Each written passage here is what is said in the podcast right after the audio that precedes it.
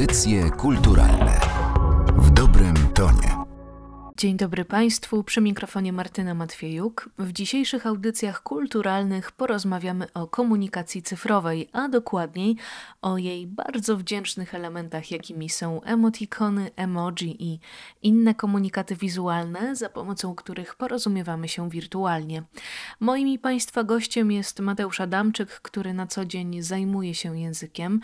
Mateuszu, czy te elementy w ogóle znajdują się w obszarze języka?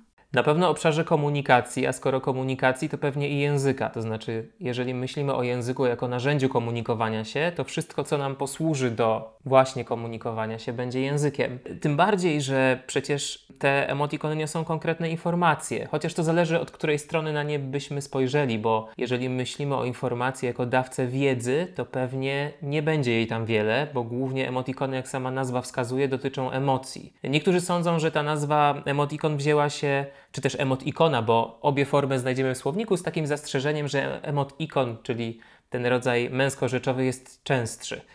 Sama etymologia odwołuje nas, czy odnosi nas do emocji, bo jak twierdzą niektórzy, to słowo wzięło się od y, połączenia emotion i icon. Chociaż są też tacy, którzy mówią, że ta druga część, czyli ten kon wcale nie od ikony, ikoniczności, ale od konsolety, czy konsoli właściwie. Czyli jak wyczytałem tego nowego sposobu przekazywania sobie emocji, raczej środka przekazywania, bo chyba konsoleta to była klawiatura i całe to sprzętowanie komputerowe. Jak jest do końca, nie wiem. Być może, że i tak, i tak. Jeżeli byśmy zapytali pewnie przeciętnego użytkownika internetowych emotikonów, to sądzę, że raczej wskazałby nam na tę pierwszą etymologię, a nie tę drugą, bo ta druga jest raczej specjalistyczna. Dodaj Dodajmy, że pierwszy emotikon został wysłany w 1982 roku, a dziś miliardy ludzi wysyłają ich dziesiątki każdego dnia. Z jednej strony rozszerzając tym swój wachlarz wyrazu, z drugiej rezygnując jednak ze słów. W jaki sposób te komunikaty wizualne mogą wpłynąć na nasze umiejętności językowe?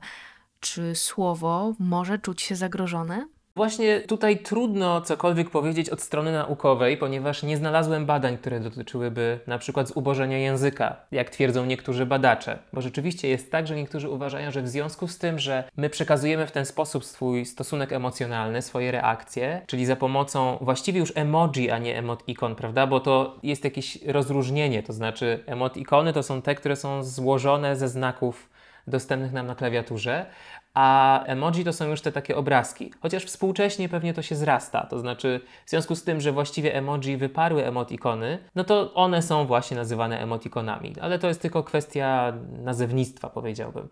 Jeśli chodzi o język, to one nam pewnie coś dają i pewnie nam coś zabierają, tak jak ze wszystkim. I wydaje mi się, że te narzekania niektórych i językoznawców, i niejęzykoznawców dotyczące tego, że w szczególności młodzież traci umiejętność opisu emocji, zamiast właśnie wyrażania ich za pomocą jednej skondensowanej emotki, znajdują gdzieś swoje uzasadnienie. Tak jak mówię, trzeba by było to przebadać, bo nie wiadomo. Ja wychodzę z założenia, że dopóki nie przebadane, dopóty można sobie tylko o tym gdybać ale nie znalazłem niczego takiego. Znalazłem natomiast y, takie badania już nie językowe, czy też językoznawcze, ale dotyczące psychologii, że nasz mózg nauczył się, nasz mózg jako ludzi nauczył się rozpoznawać emotikony tak samo jak rozpoznaje różne wyrazy twarzy. I to jest ciekawe, że on reaguje tymi samymi ośrodkami na to, jak zobaczymy uśmiechającą się buźkę na ekranie komputera i wtedy, kiedy widzimy uśmiechniętą osobę. Może być tak, że nie tylko emotikony, ale w ogóle komunikacja internetowa zmienia nasz sposób mówienia, ale zmienia też sposób chyba myślenia, jeżeli pomyślimy o sposobie uporządkowania wypowiedzi. Bo ten tradycyjny model myślenia i mówienia to był raczej taki linearny, prawda? Od punktu A do punktu B, przez może tam jeszcze jakiś punkt pośredni. A teraz jest tak, że dominuje, o czym pisała profesor Aldona Skudrzykowa, takie myślenie hiperlinkowe. To znaczy takie skakanie od hasła do hasła. To jest interesujące, co się z tym dzieje, bo tak działa przecież y, internet i nasze funkcjonowanie w internecie, prawda? My skaczemy z jednego obrazka, z jednego słowa do drugiego, klikając sobie w poszczególne linki. W ogóle trzeba byłoby się też pewnie zastanowić nad tym, czym w ogóle jest komunikacja internetowa, bo bardzo trudno to zdefiniować i rozpoznać czasami, bo ona jest gdzieś na granicy mowy i pisma. Mówi się o tym, że jest to zapisany język mówiony. I rzeczywiście, kiedy przyjrzymy się różnego rodzaju komunikatom czy komunikatorom i właśnie występujących na nim y, komunikatom, to odnosimy wrażenie, że to jest mowa wciąż. To są urwane zdania, że to są potoki składniowe, że to są właśnie bardzo nacechowane ekspresywnie komunikaty, czyli tak jakbyśmy się posługiwali mową na żywo, ale jednak musimy ją zapisać, no bo taka jest forma tej komunikacji. I teraz w związku z tym właśnie, że naszym mózgom, jak sądzę, wydaje się, że wciąż mamy ten kontakt na żywo, to mu czegoś brakuje, no bo nie ma na przykład mimiki związanej z emocjami. I teraz jakoś próbujemy sobie tę mimikę wypracować zastępczą. I stąd właśnie między innymi emotikony. To jest też ciekawe, że nie tylko przecież emocje są wyrażane za pomocą tych, tych emotikonów, bo są też emotikony dotyczące jedzenia, dotyczące przecież komunikacji, dotyczące cywilizacji, wszystkiego właściwie o czym moglibyśmy pomyśleć, jest tego coraz więcej, dlatego mówi się o tym, że jest to tak jakby wtórne pismo obrazkowe, że historia zatoczyła koło i od tego pierwotnego pisma obrazkowego doszliśmy do kolejnego, tylko może poziom wyżej, może po prostu innego pisma, ale jednak obrazkowego. Czy ono zastąpi słowo? Nie wydaje mi się, ponieważ kiedy myślimy o tym systemie znaków, jakim są emotikony, to sądzę, że on jest jakoś skończony. To znaczy, że możemy oczywiście wymyślać sobie różne rodzaje obrazowania, nie wiem, sushi w emotikonach, ale nie sądzę, żebyśmy mogli wymyślić taki system obrazkowy, który mógłby zastąpić te wszystkie odcienie znaczeniowe słowa. I wydaje mi się, że słowo jest bezpieczne. A mało tego, wydaje mi się, że jeszcze się o to słowo upomnimy w pewnym momencie, że w pewnym momencie dojdziemy do takiego punktu, w którym stwierdzimy, że to nam nie wystarcza. Coś jest nie tak. Nie potrafimy się już wyrazić tak precyzyjnie, jakbyśmy tego chcieli, a na tym nam zależy, koniec końców, no bo zależy nam w ogóle jako ludziom, żeby być zrozumianymi. No i teraz właśnie mm, wydaje mi się, że nadejdzie taki moment, w którym te emotikony trochę zejdą na, na dalszy plan. Będą, ale już nie będą takie istotne i chętnie wykorzystywane. Ale czy to się sprawdzi, nie wiem, bo jeszcze przypomnę słowa profesora Pisarka, który na pytanie, czy można przewidywać zmiany zachodzące w języku, odpowiedział, że można, tyle tylko, że te zmiany się prawie nigdy nie sprawdzają te przewidywania się nigdy nie sprawdzają. W związku z tym możemy sobie je przewidywać, ale to jest tylko ćwiczenie, powiedziałbym, umysłowe. Powiedziałeś, że być może niebawem upomnimy się o słowo, a póki co można zauważyć, zwłaszcza w komunikacji młodzieży, że emoji zawładnęły ich rozmowami wirtualnymi. Zdarza się nieraz, że cała konwersacja odbywa się tylko za pomocą takich obrazków. Spróbujmy więc może stworzyć e, taki przewodnik po tym, jak powinno się używać emoji, w jakich ilościach i w jakich okolicznościach jest to dozwolone. To zależy od typu komunikacji. To znaczy, jeżeli komunikujemy się ze swoim znajomym czy też znajomą, to pewnie, jeżeli wypracowaliśmy sobie taki sposób komunikowania się, bo myślę tutaj o sobie i nie wiem, czy, czy mam w swoim otoczeniu taką osobę, z którą mógłbym się komunikować używając aż tak wielu emotikonów. Wydaje mi się, że nie. Ale tak jak mówisz, wiemy, że są takie osoby. E, jeżeli komunikujemy się w obrębie jakiejś oficjalności, czyli na przykład z osobami, z którymi nie jesteśmy w równej relacji, to jest tak jak ze zwyczajną grzecznością. Coś wypada, czegoś nam nie wypada robić.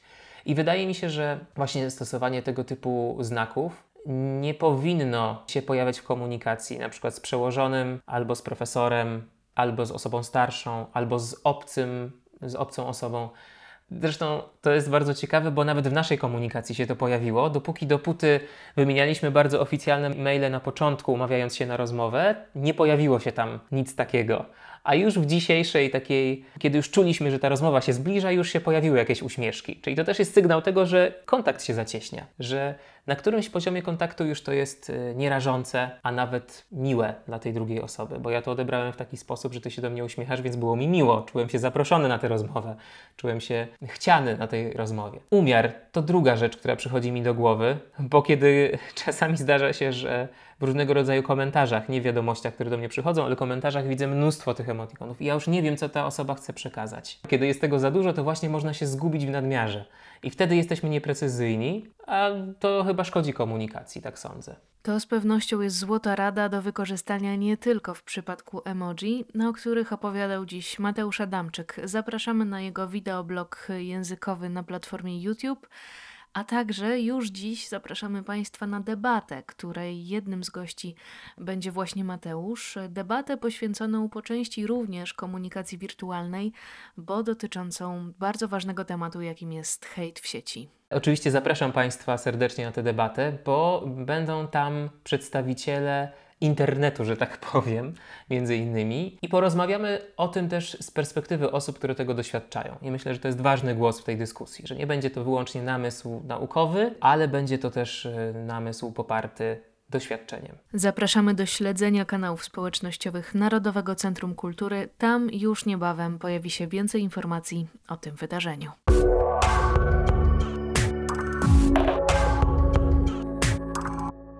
Motyw emoji, emotikon, gifów i całej komunikacji cyfrowej wykorzystuje również sztuka. Możemy tego doświadczyć na wystawie malarskiej Golden Years Are You Ready, która aktualnie zawisła w krakowskiej Schefter Gallery. Porozmawiam o niej z twórcą obrazów Dawidem Czyczem oraz kuratorami ekspozycji Agnieszką Gołębiewską i Mariuszem Choraninem. Zanim jednak o samych komunikatach, Golden Years to nawiązanie do złotych lat dwudziestych ubiegłego stulecia, pełnych szczęśliwości, piękna i prężnego rozwoju, czy jednak tylko? Tytuł też miał w sumie prowokować do tego, żeby zastanowić się, w jakiej chwili teraz jesteśmy, bo główny temat to jest właśnie kryzys, te wszystkie pandemiczne kwestie. Chodzi o to, żeby zwrócić też na tą pozytywną stronę życia uwagę ludzi, a Dawid, tworząc swoje wspaniałe światy malarskie, koncentruje się też na tych dobrych stronach życia, chociaż jest to zawsze w krytyczny sposób robione. To, to nie jest jednowymiarowe, tylko my to nazywamy radością krytyczną, to co robi Dawid. Że to jest przedstawienie tej pozytywnej strony życia, ale w krytyczny sposób. I to jest też odniesienie do sytuacji kulturowej dzisiaj, gdzie wszyscy poprzez media wirtualne, przez właśnie komunikację cyfrową y, przedstawiają świat właśnie pięknym. Zdjęcia instagramowe. Jeśli nie jest ładne, no to tego zdjęcia nie ma. Musi być właśnie piękne. Mimo, że może przedstawiać coś trudnego albo właśnie też by chciało ukryć jakieś trudne tematy. Więc piękno wróciło też, ale piękno też próbuje przykryć tą taką ciemną stronę życia. Tak, nie trzeba chyba nikogo przekonywać, że ta przestrzeń kreowana wirtualnie znacząco odbiega od rzeczywistości. Jak waszym zdaniem my sobie radzimy dziś z poruszaniem się między tymi dwoma światami, z funkcjonowaniem w nich obydwu jednocześnie? Wydaje mi się, że właśnie to jest problem, który podejmuję na swoich pracach, na swoich obrazach. Jeszcze odnosząc się do tego Golden Years, do tego, do tego tytułu wystawy i do tego naszego wyobrażenia o złotych latach, one kojarzą nam się właśnie z radością, z czymś bardzo pozytywnym. I właśnie w tym momencie my poprzez tą kulturę cyfrową kreujemy się na, na ludzi szczęśliwych, na ludzi pozytywnych, na tylko tych dobrych rzeczach, które się wydarzają w naszym życiu, pomijając te wszystkie negatywne aspekty. I właśnie to w swoich pracach próbuję wydobyć, pokazując właśnie te pozytywne aspekty, ale gdzieś tam zawsze z jakąś nutką pytania, gdzieś ten znak zapytania nad każdym obrazem wisi. Kreujemy swoją obecność, jakby swoje takie awatary internetowe, zawsze szczęśliwych, zawsze jakieś skorygowanych jakimiś różnymi filtrami, więc wydaje mi się, że tutaj to mieszanie tych światów, tych realnych, wirtualnych, tego życia cyfrowego, że ono się odbija później w naszym życiu, też pewnie konstruujemy to też pod względem językowym i, i, i to zmienia jakby każdą formę naszej komunikacji też. Jak my się dzisiaj komunikujemy, jak ten język e, wirtualny wchodzi w te komunikatory, opisują nasze emocje, uczucia czy stany, a być może nawet nie potrafilibyśmy tego wyartykułować opisowo, po mhm. prostu formując to jako wypowiedź. Poza tym też często komunikujemy się krótkimi hasłami i wiemy, co za tymi hasłami się kryje. I też takie krótkie hasła wykorzystuję u siebie w malarstwie, ponieważ sądzę, że gdzieś tam każdy ma jakąś definicję tego hasła i, i coś się wiąże. Z, z, tym tekstem. Ja myślę, że faktycznie w latach dwudziestych, w tych golden years, ta komunikacja wizualna będzie grała coraz większą rolę, że właściwie to się tak rozpoczyna, a ten rok 20 myślę, on jest też wyjątkowy przez to, że ta sytuacja pandemiczna też się stała czymś, w rodzaju takiego, można powiedzieć, katalizatora zmian, że nagle świat się musiał przenieść online w dużym stopniu. Wszystkie te takie standardowe nasze jakieś biegi życia musiały się właśnie w ten wirtualny świat przenieść, więc myślę, że ten 20 y, tak rok to jest dopiero można powiedzieć początek wielkich zmian. Język nasz będzie bardziej wizualny niż właśnie słowny, że słowa coraz mniejszą rolę będą grały. A wracając do tego, jak ujęły to prace Dawida, one są pełne dynamizmu, tworzą bardzo różnorodne światy, są wręcz przeładowane tymi bodźcami, zupełnie zresztą tak, jak to się dzieje w świecie komunikacji cyfrowej. W jaki sposób powstawały te obrazy? Każdy obraz ma swój temat i te tematy powstają zupełnie naturalnie, zupełnie spontanicznie. Są to rzeczy, które dotykają mnie na co dzień, to są moje przemyślenia. A to jak powstają te prace, to może nie wychodzą one od emotikonów, ale od emocji które właśnie wykorzystuję jako taką rakietę i skupiam się na nich. W miarę upływu czasu ta praca przemawia do mnie w jakiś konkretny sposób i widzę, co ona, jakie treści za sobą niesie, to idę za tymi treściami i staram się je bardziej uwypuklić. Golden Years Are You Ready? Od minionej soboty ekspozycja dostępna jest w Galerii Schefter. Jak chcielibyście, aby odbierano tę wystawę? Bardzo dobrze. Jak najlepiej. Znaczy, chcielibyśmy przede wszystkim, żeby była odwiedzana i żeby była odwiedzana na żywo.